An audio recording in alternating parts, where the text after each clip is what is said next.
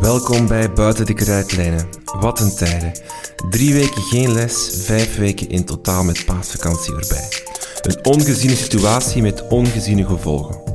Hoe pakken we dit aan? Wat zijn de gevolgen van deze crisis en waar gaan we naartoe? Om even orde in de coronachaos te krijgen, bel ik met Pedro de Bruikere om even de noodzakelijke antwoorden te krijgen.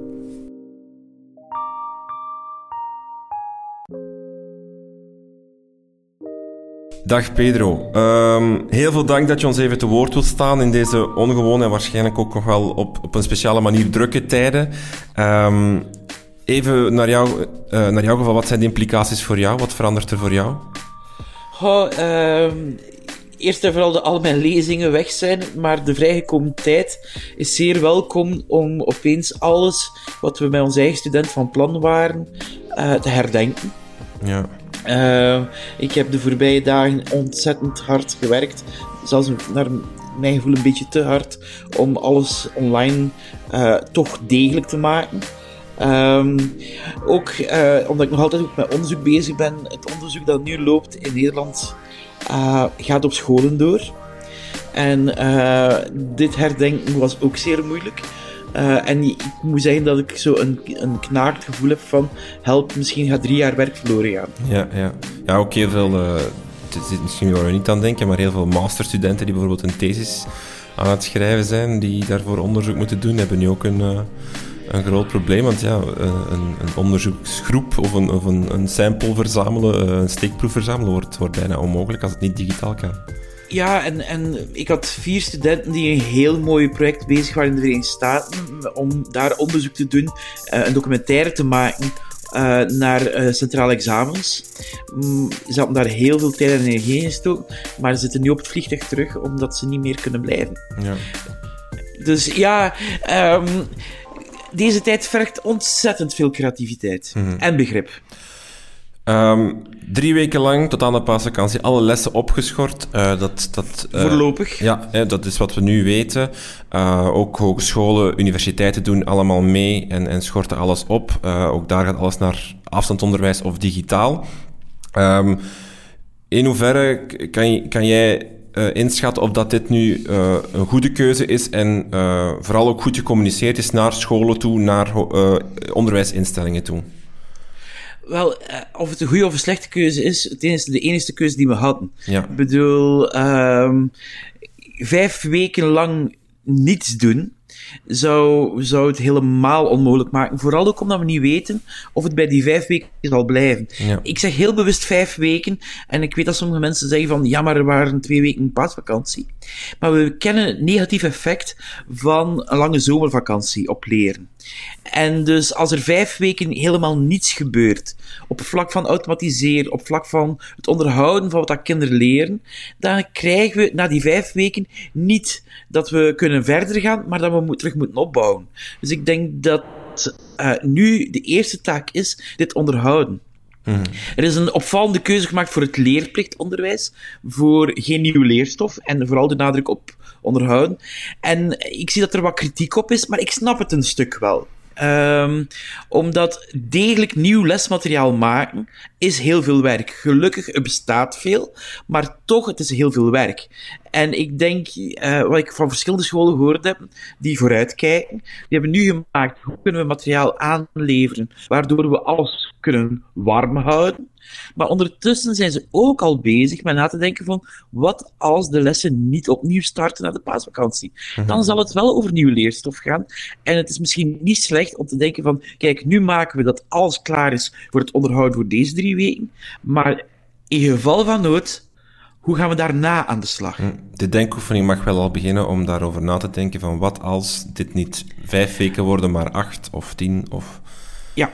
En, en ik denk dat dat een, een, een gezonde redenering is. Uh, dus nu maken dat de kinderen bezig blijven, maar ook zinnig bezig blijven.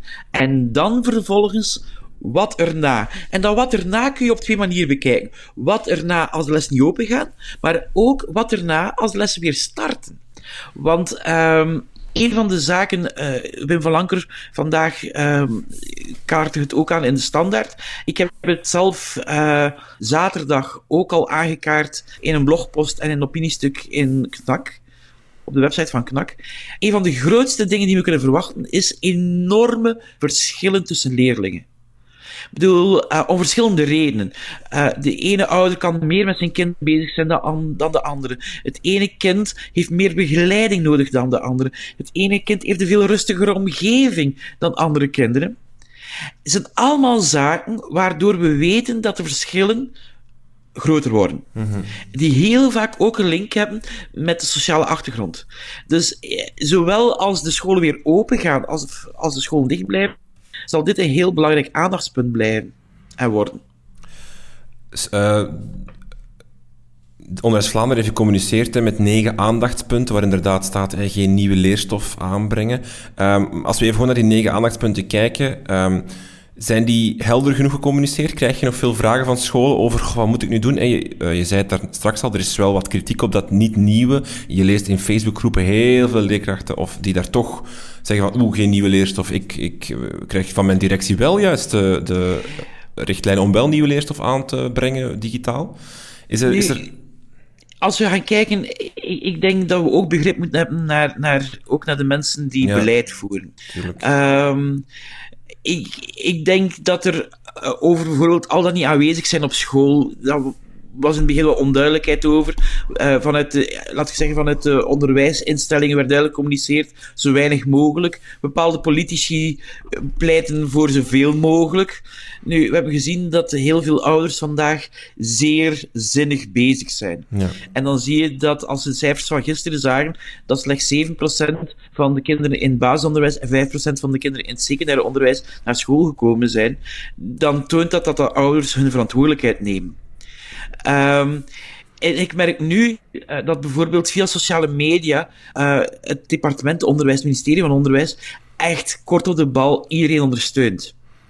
Um, dus ik, ik, zou zeggen van, was het perfect? We moeten er vandaag van uitgaan dat niets perfect kan zijn. Mm -hmm. Oké. Okay. Uh, en dat iedereen zijn of haar best doet. Um, ja, misschien de belangrijkste waarschuwing die ik. Die, het is een blogpost, ik heb dit nog nooit meegemaakt. Ik bedoel, echt nog nooit meegemaakt. Ik heb zondagochtend een bekentenis en een, een, een blogpost geschreven. Uh, die is ondertussen meer dan 20.000 keren gelezen geweest. Dat is evenveel als in anderhalve maand de rest van mijn blog ongeveer. Ja. Waarbij ik, ik merkte zelf, ik heb, ik heb zaterdag voor de eerste keer zelf hartkloppingen gehad. En dat was omdat ik het te goed probeerde te doen. Mm -hmm. Ik merkte dat ik uh, ongelooflijk veel. Uh, hoe zou ik het zeggen? Ik wou hetzelfde nastreven online van wat ik probeer te bereiken in mijn lessen. En dat is niet realistisch. Mm. Ik bedoel, uh, ik hoor nu dat er sommige mensen ook pleiten van: kijk, nu zal het digitale radicaal doorbreken. Maar als we eerlijk moeten zijn, om, hetzelfde om dezelfde kwaliteit te hebben online van wat hij in de klas doet, dat kost niet minder geld en minder tijd, maar meer geld en meer tijd. En dat hebben we op dit moment niet. Mm. Uh, ik had een naïef idee om een volledig interactieve cursus te maken met allemaal uh, ingesproken teksten. Maar toen ik na een uur uh, een paar minuten had ingesproken waar ik tevreden over was, toen heb ik gezegd van, oké, okay, dit gaat niet de juiste kant op. Hm, dit, Want... Zeg maar. Het is een marathon, geen sprint heb je geschreven. Dat was de titel van je blogpost. Ja, uh, en, en, en ik denk ook dat we dat... Niemand is ermee gebaat als we uitvallen omdat we een burn-out hebben, omdat we het te goed proberen te doen. Ik bedoel, dan zijn we nog veel verder van huis. En uh, ik moet zeggen, die, die marathon-sprint-uitspraak, ik heb ze ondertussen vrij vaak zien voorkomen, maar ook gericht naar het onderwijs van ouders. Uh, en, en dat vind ik ook wel een heel belangrijk aandachtspunt. Um, verwacht niet te veel van uw kinderen, van uw leerling. Ik bedoel, wees ook daar realistisch. Het zijn geen gewone tijden. Mm -hmm. um, als we zien dat sommige scholen dat heel gestroomlijnd doen en mikken op 2, 3, 4 uur maximum per dag. Dat is wel pittig hoor. Ja. En je kan zeggen, ze zitten anders zo vaak op, op school. Ja, maar het is complexer dan dat. Ouders die moeten telewerken waardoor dat kinderen niet kunnen geholpen worden. Uh, sommige ouders hebben maar één of twee computers in huis, of soms zelfs geen computer in huis. Maar als je maar één of twee computers hebt en je hebt zelf hem nodig om te telewerken, bedoel, dat zijn allemaal factoren die meespelen, waardoor je er niet mag van uitgaan van dit hier is zoals op school en ze kunnen evenveel tijd doorbrengen als op school. Ehm, in een eerdere, wat je daar straks al zei, van, hè, de, dat die vijf weken dat er geen onderwijs gegeven gaat worden, dat zal een verlies opleveren. Uh, je sprak vooral over uh, kinderen in de vroege leerjaren, hè, die, van, die ja, met bezig zijn met automatiseren, zoals lezen, schrijven en, en, en rekenen. Kan echt een, een stevige deuk geven in, in wat ze, wat ze gele of geleerd hebben of niet genoeg geoefend hebben. Kan je dat concretiseren van hoeveel verlies kan ah, dit met zich meebrengen? Uh, als we gaan kijken, uh, het negatief leereffect hiervan uh, bij Hetty in zijn meest recente update van zijn overzichtlijst toont een gemiddelde van min 0,02. maar het cruciale woord, wat ik daarnet zei, is gemiddeld. Mm -hmm. Omdat die verschillen ook weer van kind tot kind heel erg kunnen verschillen. Niet alleen omdat uh, kinderen uh, in andere omstandigheden zitten, maar ook de, e-, het ene kind heeft meer aanleg dan de andere. Dat is een heel complex samenhang van mogelijke factoren die een invloed kunnen hebben op het verlies. Nu, pauzes zijn belangrijk, maar onderhouden is ook belangrijk. En één ding, bij automatiseren denken we heel vaak aan jonge kinderen. Maar uh, een kind dat Frans leert, sorry, maar zo, daar zit ook automatiseren bij. Daar zit ook die werkwoordsvervoegingen. Al die zaken die je moet onderhouden. Ik bedoel, dus het idee uh, van automatiseren hoort enkel thuis bij de jongste leeftijd. In feite dat hoort voor, bij iedereen thuis. Eh, dat gaat over uh, op een juiste manier uh, een passer kunnen gebruiken en daar de juiste manier aantekening van maken of de juiste manier meetkunde. Ook daar zit er iets in dat je moet onderhouden, vooraleer dat het heel stevig verankerd zit. -hmm.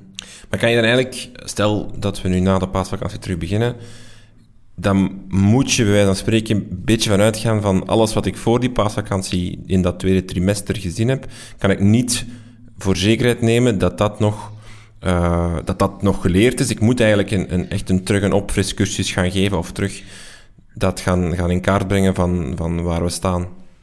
Ik denk dat laatste is nog het belangrijkste. Probeer een zicht te krijgen op waar uw leerlingen staan, zodat je ziet waar de noden zijn. Uh, ik heb vanmorgen een, een, een bescheiden uh, oproep gedaan. Uh, ik denk dat het een, een, een idee kan zijn, ook omdat studenten in de leraaropleiding zitten ook in de probleem met stages die weggevallen zijn. En ik zie dat er wel heel veel online materiaal ook door leerlingen, sorry, door studenten gemaakt wordt. Maar ik denk dat het een, een, een piste kan zijn. Ik weet niet of het allemaal praktisch te regelen is in deze zeer moeilijke tijden. Maar dat bijvoorbeeld uh, studenten van de lerarenopleiding ingeschakeld worden, niet noodzakelijk om les te geven, maar om pre-teaching te doen. Mm Wat bedoelen we daarmee? Dat stel je voor dat we erin slagen om een beeld te krijgen van de leerlingen, om te zien welke nood die leerlingen hebben.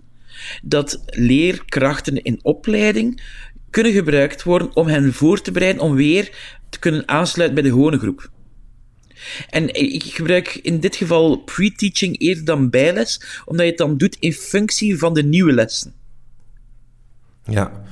Zodat je de nieuwe lessen wel degelijk van de eigen leerkracht kunnen krijgen. En dan wordt een stagiair gebruikt om bij te spijkeren uh, tot terug het niveau waar ze eigenlijk zouden moeten zitten aan het begin van dat derde trimester dan. Ja, en dan dat gewoon gericht doen. En, en dat zal ietsje meer tijd zijn, uh, dat die kinderen dan les krijgen of op school zijn. Maar op die manier kunnen we, uh, kunnen we helpen. En als ik kijk naar het onderzoek dat ik doe in Leiden, dan merken we dat dergelijke zaken wel degelijk ook kunnen helpen. Mm -hmm, Oké. Okay. Er zijn ook geen examens, of examens zijn ook afgelaste paasexamens, die toch nog in de vroegere jaren van het middelbaar worden gehouden. Tot de vierde jaar. Ja. Um, is dat een verlies? Is dat erg? Of is dat iets wat we gewoon zo snel mogelijk moeten achter ons laten? En zou je scholen aanraden om bijvoorbeeld inhaalexamens te organiseren na die paasvakantie? Ik, ik heb gemerkt dat er al heel veel verschillende opties genomen zijn. Ik, ken scholen die werken met taken. Uh, sommigen zetten taken op punten, sommigen zetten taken niet op punten. Uh, sommigen geven vrijblijvende online toetsen. Ik, ik denk dat alles wat er kan voor zorgen dat dingen onderhouden worden, is belangrijk.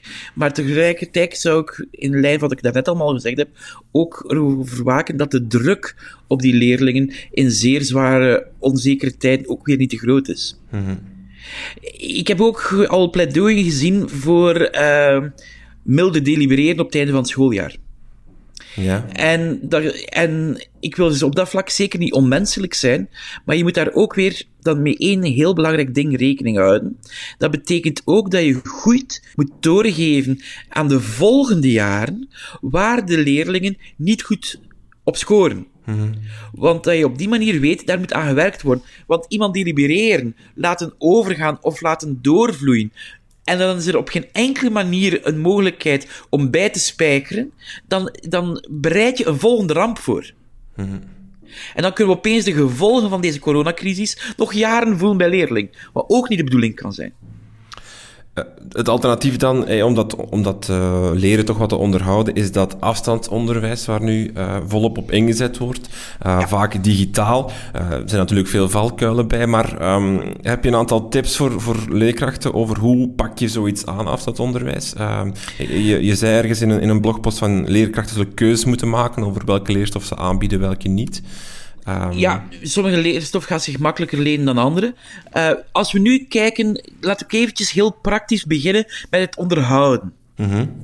Ik bedoel, als we het hebben over onderhouden, uh, een paar zaken die ik zeker zou aanraden. Laat uw kinderen genoeg lezen. Uh, ik, ik, ik was ik begrijp dat de bibliotheken dichtgingen, maar ik ben nu blij dat verschillende bibliotheken een soort van uitleendienst terug organiseren.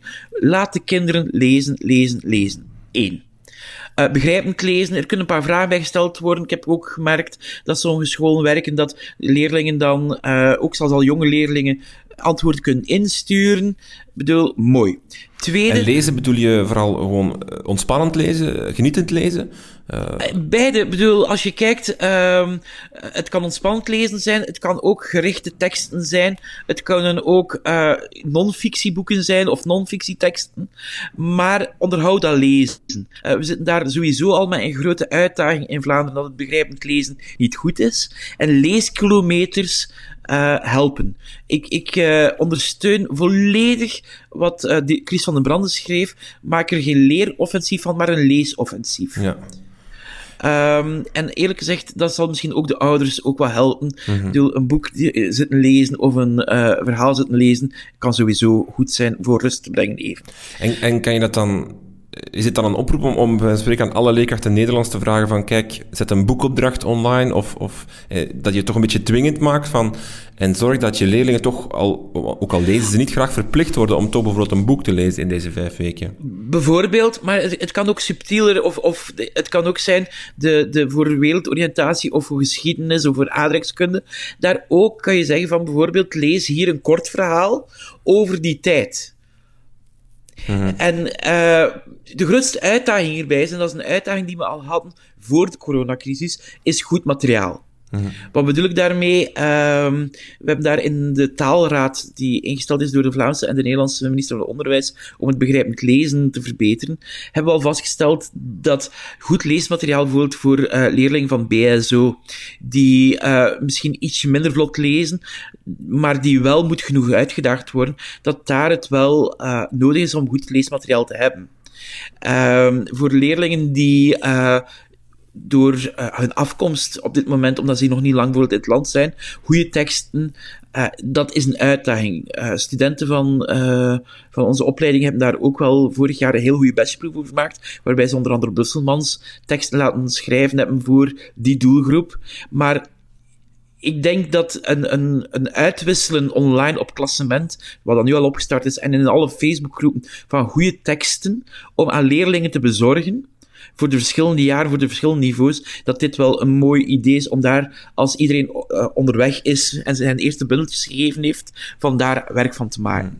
En dat, dat dwingende karakter, moet dat er aanzitten? Of, of mag je het gewoon bij op Smart School dat je een mapje maakt met daarin leuke teksten om te lezen, jongens. En, en een, een berichtje stuurt van, kijk, uh, voor wie zich verveelt of wie zin heeft, er staan heel veel leuke teksten op Smart School. Of moet je toch uh, net zoals je misschien in de klas zou doen, en waarbij je een opdracht geeft die moet gemaakt worden, moet je dat er ook in steken in afstandsonderwijs of in deze situatie?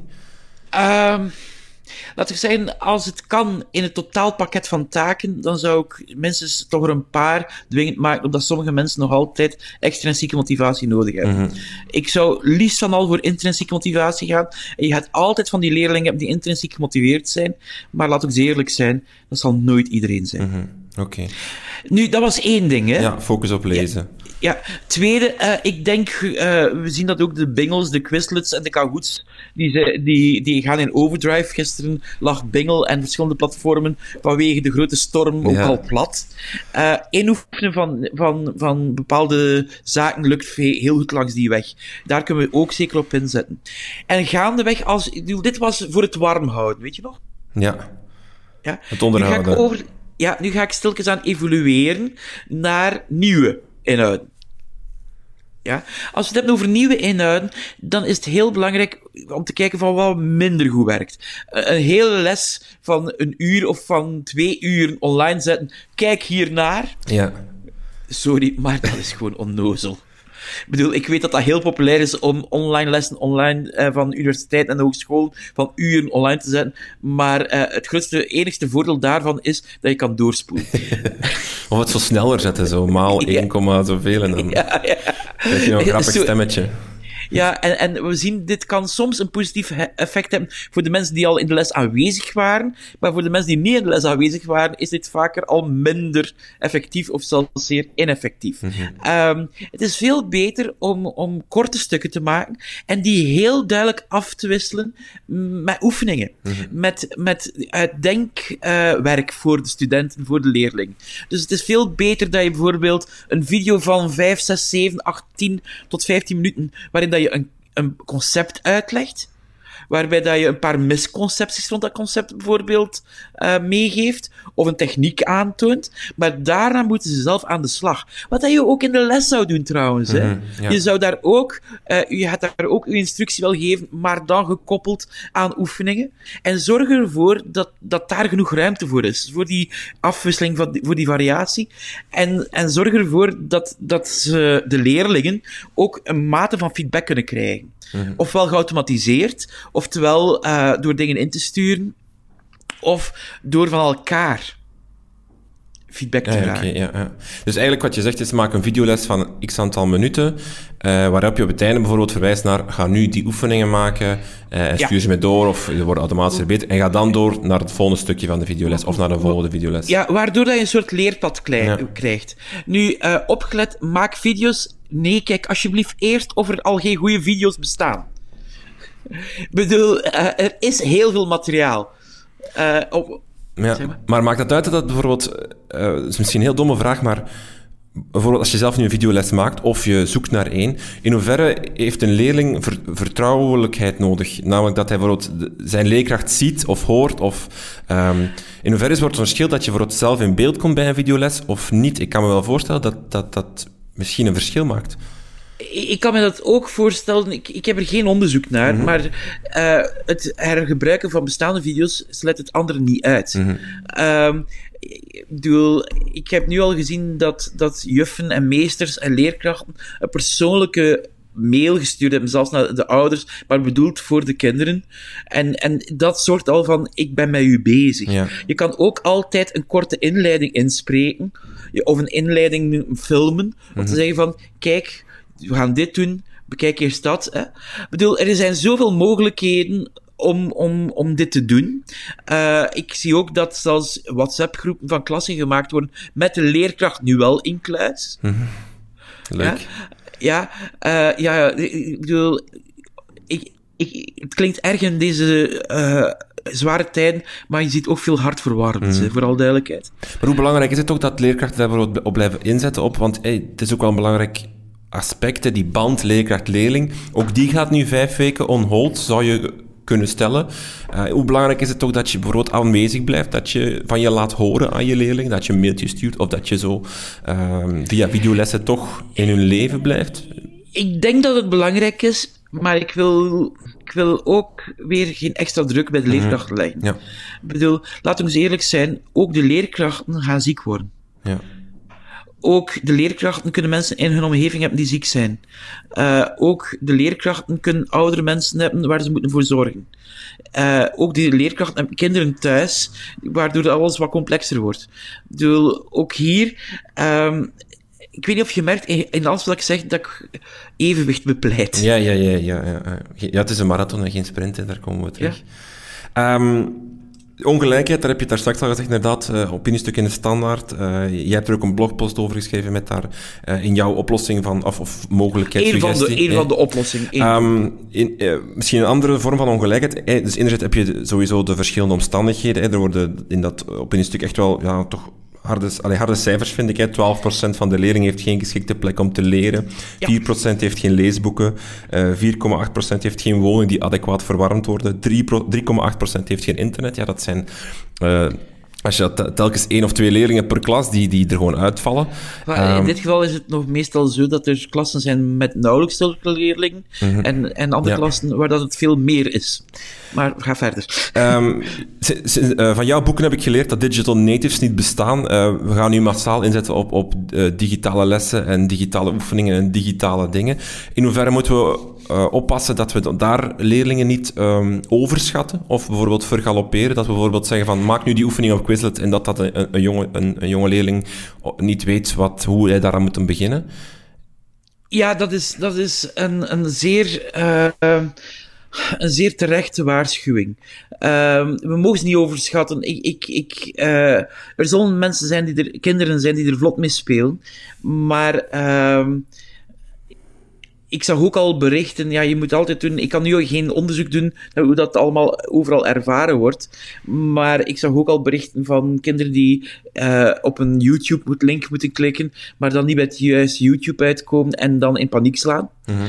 uh, dus het zijn allemaal elementen die, die kunnen meespelen en het moeilijker maken. Daarom ook dat ik ook wel merk, en zeker bij de jongste leeftijden. Um, ja, dat er ook scholen echt pakketten hebben die moeten afgehaald worden. Mm -hmm. En dat je een interactie krijgt tussen uh, papier en, uh, en computer. Mm -hmm. En, uh, en het meest uitzonderlijke, maar dat waren voorbeelden in Nederland, uh, waarbij dat ze heel veel werk van gemaakt hebben voor die leerlingen, zodat je ze uh, een Chromebook naar huis krijgen of een andere uh, computer, maar die in feite waar de pakketten al op staan en zo laagdrempelig mogelijk. Uh -huh. Maar uh, ik vind het straf dat je dat op de korte tijd geregeld krijgt. -huh. Ja, ja, zeker. Um, als die scholen terug open gaan, je zei daar straks, dan moet proberen in kaart te brengen wie er achterstand heeft en wie niet, wie er uh, eerst of verloren is. Hoe doe je dat het beste? Is dat uh, een korte toets? Is dat... Is dat ik, ik denk dat alle vormen van, van assessment... Ik bedoel, sommige vaardigheden zullen misschien niet eerder een toets zijn, maar zullen eerder zijn via observeren en dergelijke meer. maar mag ik beginnen met het begin? Het eerste dat ik zou doen is vragen hoe dat mij gaat mm -hmm. en kijken uh, hoe ze zich voelen. Mm -hmm. Ik bedoel, uh, het kan zijn dat er kinderen mensen gaan verloren hebben. Ja. Het, het kan zijn dat het uh, thuis af en toe niet altijd even aangenaam was, omdat je op een, kort, op, op een kleine plaats met veel mensen op elkaars lip gezeten hebt. Ik bedoel, ik wil het niet dramatiseren. Veel kinderen gaan ook nog een fantastische tijd gehad hebben. Maar ook daar gaan er ongelooflijke verschillen tussen bestaan. En, en uh, we mogen niet vergeten dat onderwijs niet enkel over kwalificatie gaat, maar ook over socialisatie en over persoonlijke ontwikkeling. Mm -hmm. En dus laten we eerst dan mens zijn en een pedagoog zijn, voordat dat we ook puur denken van, en hoe kunnen we hier nu kwalificatie uit de kast mm -hmm. halen? Dus het, voor het geheel. Ja, um, zeer zeker. Um, misschien nog heel even kort over het, in, het, in de aanbevelingen van Onderwijs Vlaanderen staat ook dat de taken die gegeven worden facultatief zijn, dus uh, niet verplicht zijn. Je kan er geen verplichting aan koppelen. Um, heb je tips om, om, om de intrinsieke motivatie van leerlingen toch aan te spreken? Um... Ja, ik, ik, denk dat uh, als je ziet wat nu de, bijvoorbeeld de VRT doet, met uh, uh, Karuit, uh, um, naast Karuit bedoel ik, Universiteit van Vlaanderen, ja. heel veel zaken die aangeboden worden. Ook daar kun je taken rond maken. En dan kun je daar, dat is ook een opstapje bijvoorbeeld naar begrijpend lezen. de meeste van die programma's of van die video's, die staan al online. En dus je kan ook al zien wat dat er wanneer gaat uitgezonden worden. En kinderen die op dat moment niet kunnen kijken, kun je ook naar online verwijzen. Mm-hmm. Als het gaat natuurlijk. En dan kun je ook opdracht bij geven, maar het is ondertussen ook alweer wat laagdrempeliger. Mm-hmm. Dus het proberen laagdrempelig te houden, in hun, in hun leefwereld te blijven, namelijk wat er op tv te zien is. Kijk daar eens naar, jongens. Uh, ja. Um, maar ik denk dat een goede leerkracht kent meestal zijn of haar pappenheimers. Ja. En die zal ook weten eh, dat als je voor bij bepaalde leerlingen over de ruimte begint, dat je ze jij zeggen, terwijl de anderen zeggen van, oh nee, doe ik dat niet aan. Eh, ik denk dat, dat nu eh, het zoeken naar de juiste content die past bij uw leerlingen, om, ze, om die leermotor vast te houden of te doen aanslaan, eh, een, een nog grotere uitdaging is dan anders, omdat je ze veel moeilijker in bedwang kan houden. Of nee, bedwang houden is niet juist het woord, eh, bij de les te houden. Knip dat er maar uit. Ehm, Pedro, ik, ik doe het niet graag, maar toch even worst case. Stel, dit worden er geen vijf weken, dit worden er achttien. Ik ho je hoort dat er in sommige buurlanden echt gekeken wordt namelijk naar dit is einde schooljaar en, en we zien elkaar in september terug. Eh, stel, dat dit, stel dat dit nu gebeurt, hè. er is voorlopig geen enkele indicatie toe, dus we zijn hier niet aan het uh, doen denken. Ehm, in hoeverre is dat, is dat een... Wat ik probeer te, in te schatten is... Ik probeer het eh, alles in perspectief te zetten. Namelijk, stel dat we nu geen, geen les meer zouden geven tot aan, de kroek, eh, tot aan de zomervakantie. We geven wel nog taken en dergelijke. We proberen te doen wat we kunnen via afstandsonderwijs, maar het zal nooit de kwaliteit benaderen die we zouden hebben, moesten we eh, 32 uur les geven. In hoeverre is dat een drama, of in hoeverre is dat ook een relatief gegeven dat, dat bijvoorbeeld wel eindtermen bereikt zullen worden, maar sommige niet? In hoeverre kan je dat dan doorgeven? Ehm, Eh, ik, ik, ik, ik ga eerlijk zijn dat ik het niet weet. Ik, ik, ik bedoel, sorry, dit is onuitgegeven Ja. in, in deze tijden. Ehm, dus alles wat ik daarover zeg is pure speculatie. Eh, wat ik wel zie, en dat is een vrees die ik ook al bij studenten gehoord heb, wat ik merk vooral in het hoger onderwijs, dat studenten schrik hebben van jaren te verliezen. Eh, en, en zeker ook laatstejaarsstudenten, dat wordt een heel interessante piste. En dat kan ook weer verstrekkende gevolgen hebben. Want als er bijvoorbeeld een jaar lang geen studenten in de lerarenopleiding zouden afstuderen, Ja. wat ga je dan doen met leraartekort? ja. Ik weet, het klinkt... e- Sorry dat ik zo even... Nee, maar, nee, nee. maar je ziet, je ziet een domino-effect. ja. Dus ik weet dat op dit moment de hogescholen, maar ik denk dat ook de overheid hierover heel goed gaat moeten nadenken. Ik zie sommige mensen pleiten om, om de zomervakantie te, in te korten. Kan een piste zijn, maar ik denk dat het veel te vroeg is om daarover na te denken. Ten eerste omdat we niet weten hoe lang alles duurt. Ten tweede dat mensen ook op een bepaald ogenblik ontspanning en rust gaan nodig hebben.